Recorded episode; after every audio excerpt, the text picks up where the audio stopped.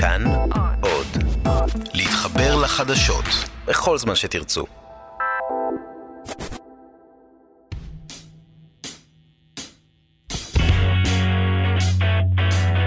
פוליטיקן, הסכת הבחירות של כאן חדשות.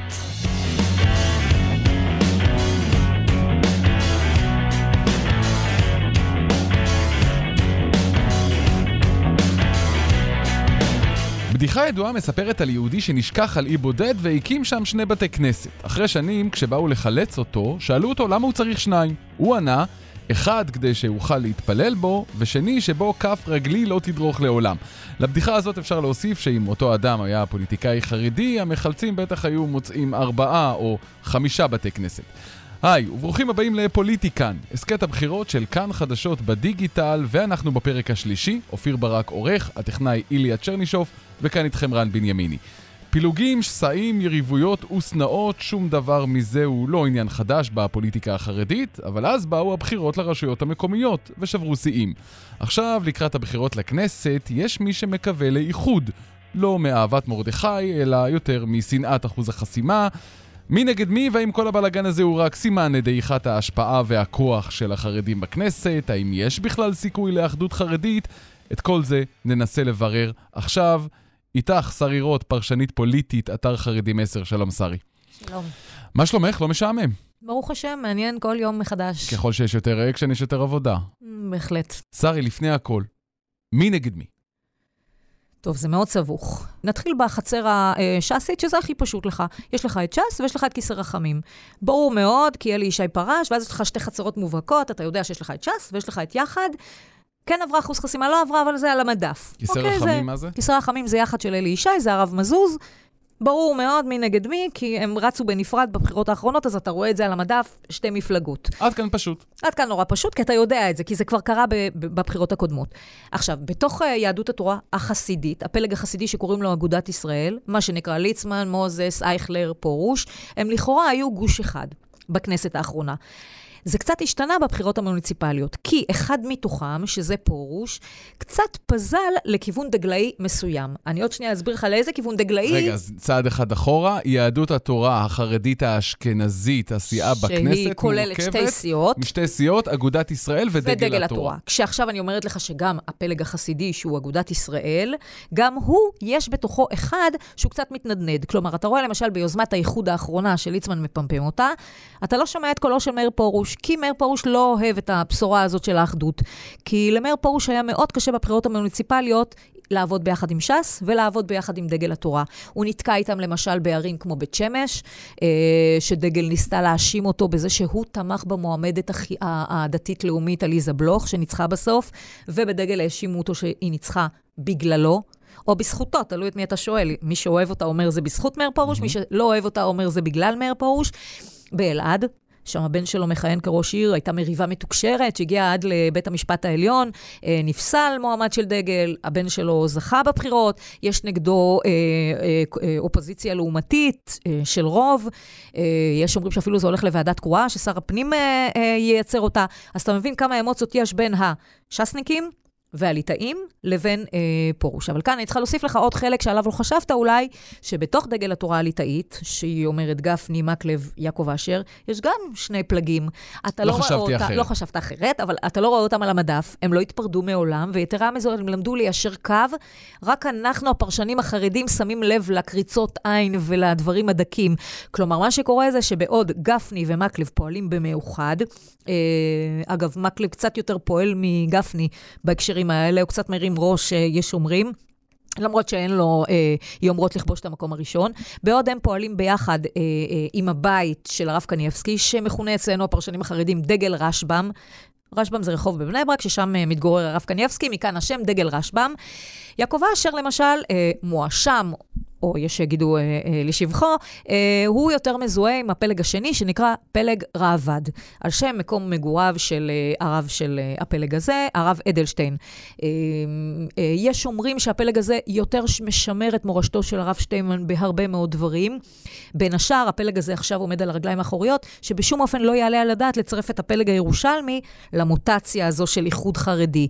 עכשיו, היריבויות ביניהם באו לידי ביטוי בבחירות האחרונות בהרבה מאוד שטחים. אה, למשל, הרב אדלשטיין אה, מאוד רצה שהבן של מאיר פרוש, ישראל פרוש, ימשיך באלעד לקדנציה נוספת. אה, הרב קניבסקי לא רצה בזה. היה שלב שבו הרב אדלשטיין אמר לתלמידים שלו בצורה נורא מפורשת, אני מבטל את דעתי מפני דעת הרב קניבסקי. מה שלא קרה בש"ס עם הרב מזוז, שמעולם לא ביטל את דעתו מפני דעת המועצת. ולכן אתה בעצם רואה את דגל התורה ממשיכה להיות מאוחדת. אתה רואה. אנחנו רואים במזנון את יעקב אשר וגפני ומקלב יושבים ואוכלים את המנה הבשרית שלהם באחווה ובאותן מזלגות, ואתה יודע, ככה בסחבק ביניהם. רק מי שבאמת יודע וחופר, יודע שמתחת לפני השטח יש מתיחויות. והם יבואו לידי ביטוי גם ביוזמה של האיחוד. אני לא רואה את אה, אה, פלג ראב"ד יכול אה, להסכים לזה שגורמים בפלג הירושלמי שכל כך לחמו ברב שטיימן, יהיו חלק מהדבר הזה. למרות שבו אני טוענת בכלל שכל הדבר הזה הוא משחק אחד גדול. אה, ליצמן אומר גם, אני רוצה את הפלג הירושלמי, אבל זה משחק, זה מתואם, וזה רק... זאת רק הצגה, זה לא באמת הולך לקרות, להערכתי. פעם במשך שנים לכאורה זה היה די פשוט. חרדים אשכנזים מצביעים ג', סיעת יהדות התורה, שבעצמה מורכבת משתי מפלגות, אגודת ישראל ודגל התורה, וחרדים ספרדים נקראו להצביע לש"ס. מתי כל זה התחיל להסתבך? ולפני זה, אגב, זה היה עוד יותר יותר פשוט, כשכל החרדים, הש"סניקים והאגודאים, הצביעו כולם רק ג'. הייתה אות אחת, לפני שש"ס נולדה, אתה יודע. אה, מתי כל זה התחיל להסתבך? לדעתי בתשמ"ט.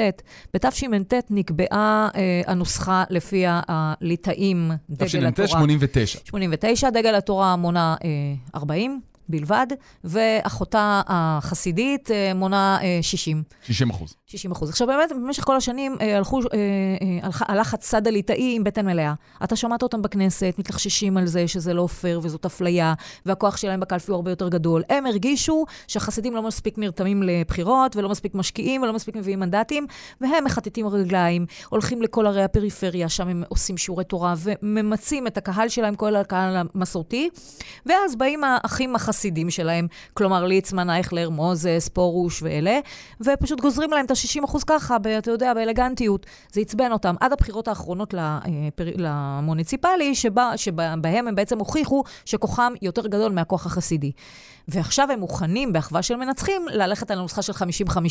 הם טוענים, מגיע לנו 60 לטובתנו, אבל אנחנו נלך על נוסחה אחדותית שמדברת על 50-50. זה בעצם מה שקרה בחודשים האחרונים. זה לגבי סיעת יהדות התורה. האשכנזית. בפ... האשכנזית. עכשיו בואי נוסיף את ש"ס לעניין, נוסיף גם את אלי ישי, נוסיף שחקנים אחרים, בואי ניישר קו. קודם כל, מתי התחיל העניין להסתבך בש"ס? העניין התחיל להסתבך בש"ס כשאלי ישי קם, ואולי קודם, כשהרב עובדיה סגר את עיניו ונפטר, וכאן העסקים התחילו להתערבל. עד uh, בחיי הרב עובדיה, אף אחד לא העז מתוך המפלגה לצאת ככה ולדבר נגד המפלגה. פתאום זה קרה, אלי ישי קם, פורש uh, ממודל השלישייה שהפך למודל האריה דרעי בראש, ופשוט מקים מפלגה משל עצמו.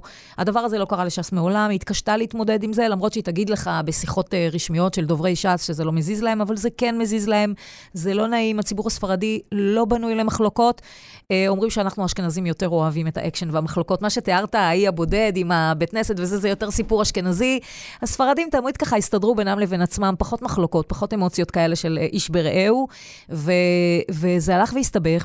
עכשיו, אף אחד לא מצליח באמת לאחד בין שתי הכוחות האלה. ואז מגיע הנושא של אחוז החסימה שאתה דיברת עליו, שזה הפחד שתולה בחלל, ו- וזאת אימת יום הדין, וכל צד מפחד שהוא לא יעבור את אחוז החסימה. עכשיו, בוא תוסיף לזה את האמוציות בין החסידים לליטאים שבאו לידי ביטוי, בעיקר בירושלים. אתה ראית את ריקודי ה-30-60, שבהם uh, ציבור ליטאי רקד ואמר, הנה, ניצחנו, והראינו להם וכולי וכולי. ראית גם מנגד uh, uh, צילומים של חבר הכנסת פרוש, למשל, סגן השר, סגן שר החינוך, שאמר באיזה נאום מצולם שלו, אנחנו לא ניתן להם אה, לקחת יותר מאיתנו, אנחנו לא ניתן להם, אנחנו לא ולא ולא ולא. תקשיב, זה אמוציות משני הצדדים. שני הצדדים לא טמנו את ידם בצלחת. הדבר הזה הרים לכולם להנחתה, ואז כל צד בא ואמר, רגע, אני אלך לבד, אני אביא יותר קולות. עכשיו, התחילה התארגנות כזאת של רחש בחש, שאמרה, הליטאים ילכו לבד, יביאו אחוז חסימה כי הם הרי עכשיו הגדולים, לטענתם. החסידים לא יכולים להביא אחוז חסימה כי הם הקטנים, 40 אחוז בלבד, אז אולי יצרפו אליהם גורמים כמו אלי ישי ויעצבנו את הש"סניקים. מפא"יניקים.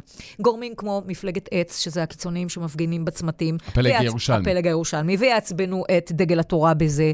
וביחד, כל המוטציות האלה ביחד, יהיה להם אחוז חסימה. בא נתניהו, עמד מהצד ואמר, רגע, רגע, רגע, מה הם עושים לי פה? להוריד את אחוז החסימה הם מתעקשים ולא רוצים. כל אחד שם ירוץ בנפרד. אני הרי מתכנן לשתות לכולם שם את הקולות בקשית, גם לש"סניקים, גם לדגלאים וגם לחסידים.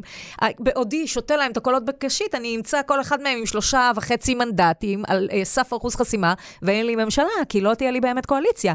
יש לי בעצם אה, 12 מנדטים, נגיד, שיהיו לי מפוררים בתוך פח האשפה. ומזה הוא חשש. ופה הגיעה ההתארגנות שאמרה, רגע, רגע, אז בואו נלך ביחד איכשהו. דיברת על הבלגן בתוך החרדים האשכנזים, ועל הפילוג בתוך החרדים הספרדים. איך בכלל אפשר לאחד בין כל הזרמים האלה? מדברים על איחוד, על מפץ חרדי, יש לזה בכלל סיכוי? שאלת מיליון דולר, השאלה שאתה שואל. אה, אתה שואל אותי, האם כל אלה, כל המרכיבים שאמרתי עכשיו בנשימה אחת, האם כל אלה יכולים לבוא לגוש אחד כמו חלומו של נתניהו? לא, לדעתי זה לא יקרה. אה, אבל קמנו יום אחד בבוקר לאיזה ספין עיתונאי שבא ואמר, ואני לא חושבת שזה עיתונאי הזה את זה, יש גופים שעומדים מאחורי זה ומנסים לפמפם אחדות חרדית. מי? דובר למשל על הנכד של הרב קנייבסקי. אה, יש אומרים שהוא בוחש מאחורי הקלעים, אני לא מצאתי לזה הוכחה, אבל סביר להניח שהוא אה, מעורב, כי זה לא היה קורה בלי הסכמתו איכשהו. זה גם, אגב, לא היה קורה בלי הסכמתה של ש"ס. מי שמכיר את טיב הבוחשים בגדרה יודע שש"ס ובית הרב קנייבסקי, שאני קוראת לה דגל רשב"ם, אה, הלכו כל הזמן ביחד, אתה ראית את זה בכל החודשים האחרונים, ערב הבחירות המוניציפליות. היו שניסו כל הזמן לשים טריז ביניהם ולסכסך ביניהם, וזה לא הלך וזה לא הצליח, והם עדיין מאוחדים. כך שקשה לי להניח שיוזמה כזאת יצאה לפועל, גם אם עומדים מאחורי אנשים, נגיד אה, נגידים, אה, אוליגרכים, לא יודעת מי, קשה לי להאמין שזה יוצא לדרך בלי ברכת אה, ההצלחה שלהם, לפחות בקריצת עין. האם זה יצליח? אני חושבת שלא. אני חושבת שעצם הכותרות על זה זו המטרה. אף אחד לא באמת חושב שזה הולך להצליח. אתה יודע מה? זה גם לא משתלם. כי ברגע שאתה מאחד את כולם, יש לך המון המון גורמים שלא ייתנו את קולם לחיבור הזה. היחיד שיכול להרוויח מזה זה נתניהו. אני אגיד לך למה. נגיד בא חבדניק ואומר לעצמו, רגע, למה שאני אתן לאחדות הזאת שבתוכה יש חבר כנסת כזה או אחר שהוא נחשב בעיניי לשמאלני, ואני כחבדניק לא מתאים לו להצביע לשמאלני, נגיד שהוא חושב שאריה דרעי קשור באוסלו.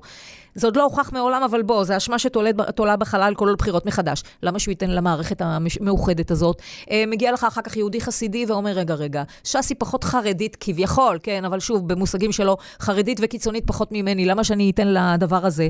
ואז הם, הם ימצאו לעצמם אלטרנטיבות. בוא נגיד, החב"דניק הממוצע יצביע לברוך מרזל, שבטח לא ינטוש את הרעיון של עוצמה לישראל, ולא משנה אם היא אה, בפח האשפה בסוף או לא, מן הסתם הוא ירוץ. וכך הלאה, כל, כל קבוצה תמצא לה בעצם למי להצביע. אבל החישוב האלקטורלי ריאלי שבו אנשים ומפלגות ורסיסי מפלגות מבינות שהן עלולות לא לעבור את אחוז החסימה, וש"ס בהקשר הזה מגרדת בסקרים מסוימים את אחוז החסימה, המחשבה יכולה להיות של בואו נתאחד כולנו לפני הבחירות, נגיע לבחירות כך ככוח מאוחד, ואחריהן נתפרק בחזרה. זה לא משהו שנשקל? טוב, אז אתה יוצא מנקודת הנחה שש"ס חוששת על אחוז החסימה. אה, היו גם ציטוטים של ליצמן אומר שהאיחוד הזה אה, נובע מזה שש"ס חוששת לאחוז החסימה. אני לא מאלה שחושבים שש"ס באמת לא תעבור את אחוז החסימה. אני כן רואה את האהדה שיש לה ברחוב התורני-ספרדי, והרחוב התורני-ספרדי לבדו מביא לה שישה מנדטים.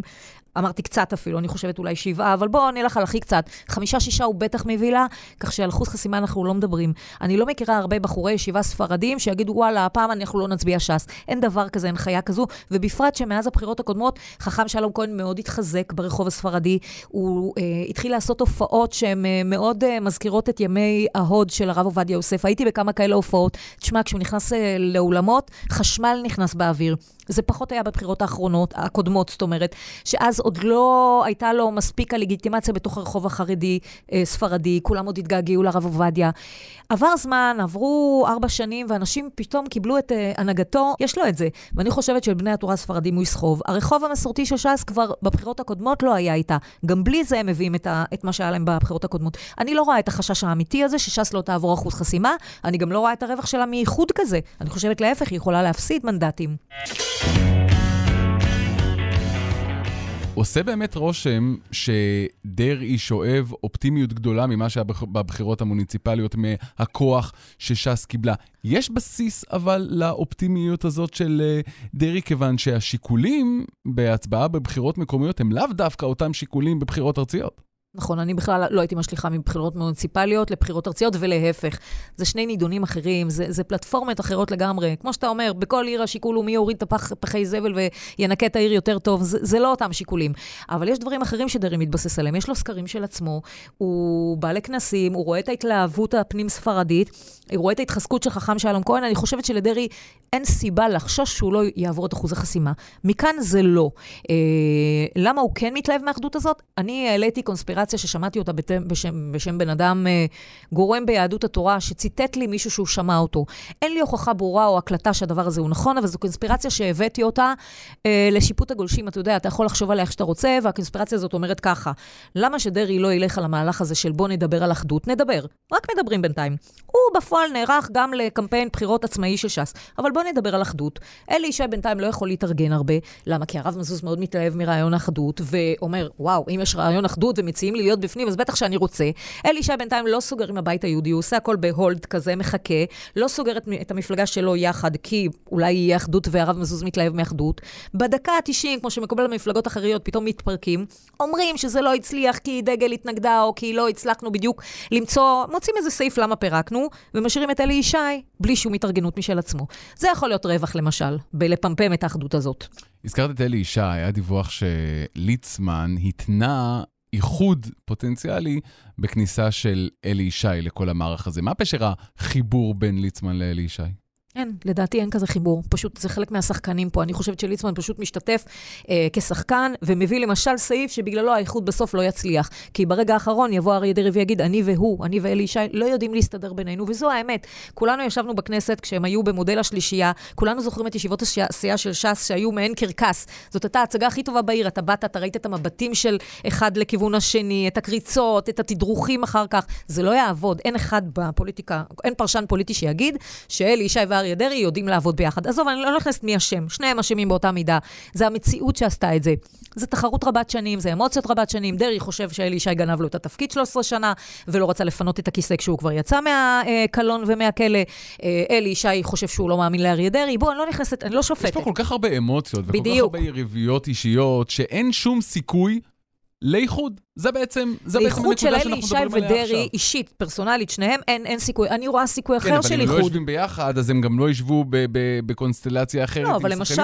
אבל למשל, יכול להיות סיכוי כזה. אני לא רואה אותו כסיכוי של אחדות לגמרי, ספרדים ואשכנזים. את זה אני בכלל לא רואה קורה. זה רק יותר אה, בעיניי אה, ספין שמשתחרר לחלל, כי אנשים מרוויחים ממנו. אני רואה למשל סיכוי בלחבר את אה, הרב מזוז עם מועצת החכמים של ש"ס. אין ביניהם הבדלים מהותיים כל כך גדולים. הרב מזוז הוא פטרונו, הרב פטרונו, של... הרב שנים של, של אלי ישי. ישי, אבל תקשיב, זה לא אומר שהרב מזוז לא יכול ביום מן הימים להבין שאלי ישי לא מתאים לעבוד ביחד עם אריה דרעי, ואפשר למצוא נציג אחר שכן יתאים. הרב מזוז לא תלוי כל כולו באלי ישי, זה לא שאם נציג אחר של כיסא רחמים, הרב מזוז לא יוכל לעבוד בשיתוף עם המועצת. ואין שם הבדלים כאלה גדולים, הם, הם כולם uh, באו מיהדות ספרד, בשר מבשרה, הם כולם uh, פחות או יותר היום, uh, אחרי הפסקים האחרונים של הרב עובדיה, כולם בנושא השלום באותו גל פחות או יותר. גם, בוא, הרב מזוז הוא לא איזה גדול המתנחלים uh, ומקימי המאחזים בשטחים. אז זאת אומרת חיבור ואיחוד מחדש פנים-ספרדי הוא לא להיות. מופרך. אבל כן. כשמדובר על איחוד עם האשכנזים, הוא לא יהיה בדיעבד הודעה בך בכישלונה של ש"ס שהוקמה כדי להחזיר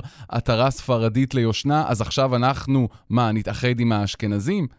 כן, יש כאן בעיה. הכיוון שאתה אומר הוא בעייתי, ויש כאן עוד כיוון. אה, מה עם כל ההורים האלה שהבנות שלהם יושבות בבית כל שנה וממלאות אה, טישו בדמעות, ובגלל האחים שלהם האשכנזים, שמנהלי הסמינרים שלהם לא קיבלו אותם לבתי הספר, איך אתה בדיוק משכנע כזה אבא, ויש הרבה כאלה אה, אבות, איך אתה משכנע אותו להצביע לאחינו האשכנזים, שהם אשמים בעצם בכל הדבר הזה? יש כאן בעיה מאוד מאוד משמעותית, ולכן אני לא חושבת שדרעי, שהוא גאון פוליטי, ירד לכזו שטות. אני רק חושבת שהוא עולה על הגל ואומר, מה אכפת לי שיגידו שיש אחדות, אין לי מה להפסיד מעצם האמירה.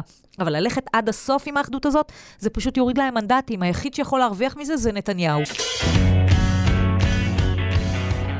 ואם נתניהו חושב שהחרדים בכיס שלו, הוא צודק? אני לא רואה את החרדים אה, עובדים בשביל נתניהו. תשמע, הם לא גורמים בלשכת רוה"מ, אה, אה, עם כל הכבוד. הם אה, ישמחו לשתף פעולה עם נתניהו, הם לא בכיס שלו. אם יבוא מחר גורם, אה, אגב, זה קרה בבחירות האחרונות, שדיברו על זה שבוז'י הרצוג אולי אה, יקבל יותר מנדטים מנתניהו, והחרדים לא פסלו על זה על הסף. אחר כך שמעת שמאחורי הקלעים הם סגרו איתו עוד לפני פירוק הקואליציה על הסכם. אבל זה רק כי באותו רגע זה היה נוח להם, לא כי החרדים לא הצטרפו בשום מקרה לממשלת שמאל. יש בעיה כללית עם השמאל. מצד שני, בוא, אה, אה, לחרדים לא היה קל גם עם אה, ליכודניקים. אתה שומע את הליכודניקים מתראיינים, והם לא ממש מתים על החרדים ועל האופן שבו הם ניהלו את חוק המרכולים ואת כל החוקים הקשורים בשבת וביהדות ובחוק הגיוס. זה לא שהליכודניקים הם כולם חרדים חובשי כיפה שחורה ומזוהים עם הרעיונות של החרדים. יכול מאוד להיות שאחד כמו אבי גבאי, ביחד עם בני גנץ, ביחד עם עוד אנשים, יכול להיות שהם ייתנו לחרדים, מבחינת החוקים שהחרדים צריכים, יותר מאשר נתניהו נותן להם. החרדים בסוף צריכים שייתנו להם את החוקים שלהם, ישמרו להם על עולם הישיבות שלהם. אבל מסר כזה עובר מהפוליטיקאים החרדים לנתניהו? אנחנו לא בכיס שלך?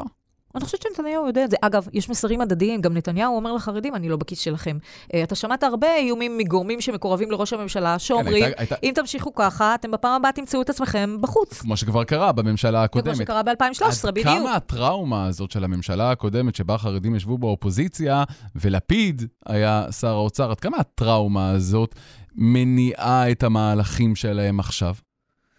אז בואו בוא נחזור לזה שאני מאמינה שהמהלכים הם סתם uh, מהלכים של רוח, הם לא אמיתיים. Uh, אני חושבת שהחרדים לא מספיק הפנימו את הלקחים של 2013. אם הם היו זוכרים את זה כל בוקר כשהם קמים ואומרים לעצמם, וואלה, יש 2013, יש אה, גוש שחור בחלל, הם היו מתנהגים אחרת. למשל, כשזה נגע לחוק המרכולים, שהם רצו בריצה שאפילו הליכודניקים לא הבינו אותה, ואמרו, רבותיי, תרגיעו, וביקשו כל פעם חוק אחר, במקום להתרכז בחוק הגיוס ובעולם הישיבות, שבסדר, זה החילוני הממוצע עוד בסדר, כבר הבין את זה. מבין את זה או לא מבין את זה, אבל כבר זרם עם זה. הם הגיעו חדשות לבקרים עם כל מיני uh, דרישות, פה הכותל הדרומי והצפוני והרפורמי והרפורמיות. אז מה קרה לפוליטיקאים החרדים, שידוע בפוליטיקה הישראלית שהיו בעלי כוח והשפעה? יכול להיות שכל זה סימן לדעיכה של ה...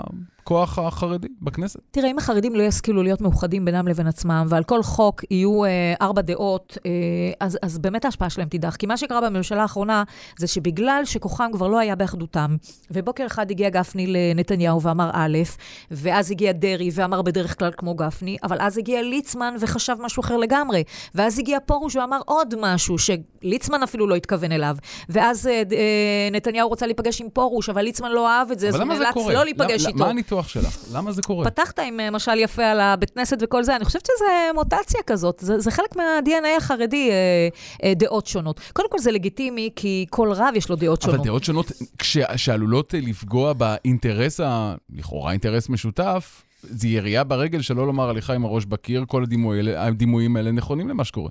אני חושבת שיש הבדל בין מה שהרבנים חושבים, שזה הלכה נטו, לבין מה שהפוליטיקאים מבינים. יכול להיות שהפוליטיקאים לא הצליחו מספיק להעביר לרבנים את הבעיות הפוליטיות, את החששות מממשלת לפיד. כי, אה, אתה יודע, בתקופת הנהגתו של הרב שטיימן, למשל, כשראית שכל המועצת, גם החסידית, מיישרת איתו קו, אתה ראית שהרב שטיימן תמיד היה משקלל גם את הנתונים הפוליטיים. זאת אומרת, הוא הבין שאם הוא ילך בחוק הגיוס עד הסוף, אז הוא יפסיד את הכל בפוליטיקה. לכן הוא שקלל תמיד. אתה לא ראית את זה עכשיו, למשל במועצת החסידית. אני כחרדית לא אגיד לך שום דבר רע על החלטות מועצת, אה, או רבנים כמובן, אני רק מסבירה את זה מהעין הפוליטית, שאתה ראית שהחלטות של המועצת, הם לא מספיק שקלטו, שקללו את הפוליטיקה, לא מספיק, נגיד, לקחו בחשבון את העובדה שלא תשיגו בחיים חוק יותר טוב מזה, אז אולי שווה לקחת אותו בשתי ידיים. אלא פשוט הם שקללו, החוק הזה הוא לא טוב, נקודה. בלי לחשוב פוליטיקה. אה, וזה יצר כמובן חילוקי דעות, כי בליטאים כן חשבו על הדבר הזה. אז מה, רבנים מסוימים איבדו קשר עם המציאות הפוליטית? לא, רבנים, תראה, רבנים לא אמורים לחשוב פוליטיקה, הם אמורים לחשוב מה ההלכה רוצה מאיתנו, ומבחינה הלכתית זה נכון שבחוק הגיוס הנוכחי יש בעיות מאוד מאוד גדולות. יכול להיות שליצמן לא הצליח מספיק להסביר להם את המורכבות של הדבר הזה ועד כמה ההשלכות יהיו גדולות, או יכול להיות שליצמן שמח על כוחו הפוליטי ואמר לעצמו, כל uh, מי שלא יהיה יצטרך אותנו בשביל להרכיב את הממשלה הבאה, ויצטרך לקחת אותנו איך שאנחנו עם כל הבעיות הפנימיות שלנו. יכול להיות. תשמע, ליצמן הוא לא, גם לא uh, קט לקניה בענייני פוליטיקה, הוא מבין דבר או שניים. יכול להיות שהוא עושה חושבים, אומר לעצמו, מי שלא ירכיב את הממשלה הבאה יצטרך אותנו. איך שאנחנו, בסדר, אנחנו גן ילדים, אבל זה, ככה אנחנו.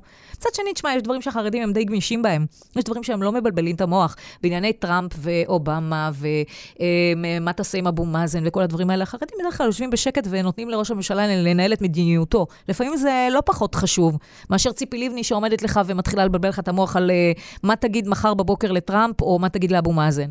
יכול להיות שלנתניהו זה עדיף.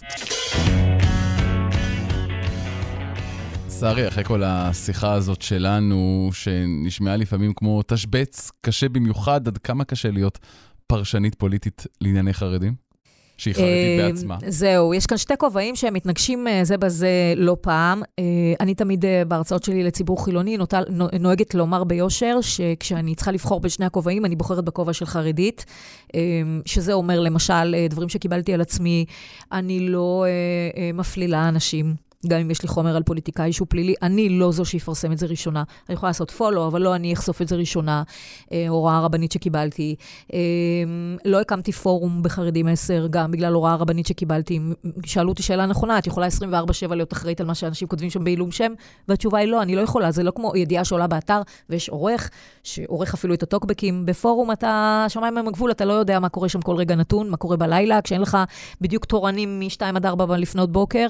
אה, ועוד כל מיני אה, דברים. אז בראש ובראש, או למשל, אה, הצבעה בקלפי. כשאני ניגשת לקלפי, לא משנה, גם אם כתבתי באותו בוקר מאמר נוקב נגד חבר הכנסת גפני, שעומד בראש דגל התורה, אה, או מאמר נוקב על התככים בין הפלג החסידי לפלג הליטאי, לא משנה מה כתבתי ולא משנה מי יעמוד בראש יהדות התורה, גם אם זה יהיה חתול או כלבלב או שפן חמוד, לא משנה, אני אצביע את מה שהרב שלי יגיד לי. בדיוק כמו שבחיים האישיים שלי אני אעשה את מה שהרב שלי יאמר לי.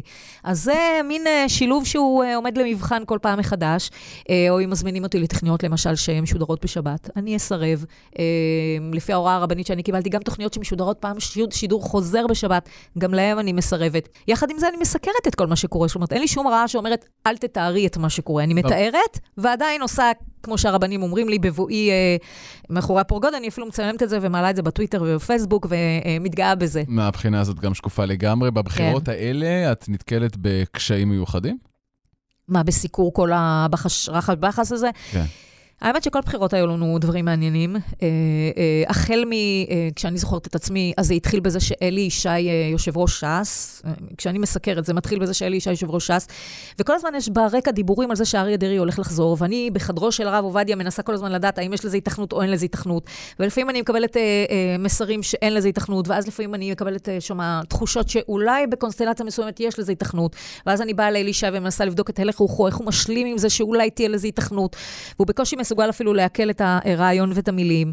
ואז אני מסקרת את המודל השלישייה, אה, שעשה לנו המון צבע, כל ישיבת סיעה של ש"ס. שלישייה זה אטיאס, דרעי. זה אטיאס, דרעי ואישה, שמההתחלה עשיתי טורים שהדבר הזה הוא לא אפשרי, ואנשים כעסו. כאילו, את באה ואת אה, מראש מזלזלת, כמו שעכשיו אני חושבת שהאיחוד לא יהיה. גם אז חשבתי שהשלישייה הזאת אין לה סיכוי להצליח.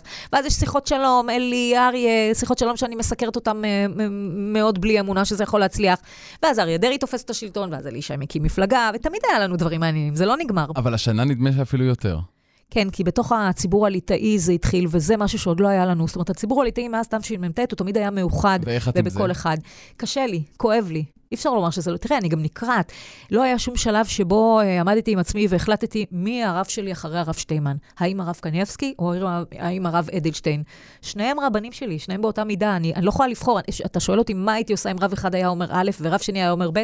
לא יודעת, אין לי תשובה לזה. ולפעמים אין לך חשק לעבור לצד השני? מה זה הצד השני? להיות בפוליטיקה? אה, אה עכשיו אתה עולה לנקודה שמאוד רלוונטית ל- לימים אלו בעקבות פסק אה, הבג"ץ.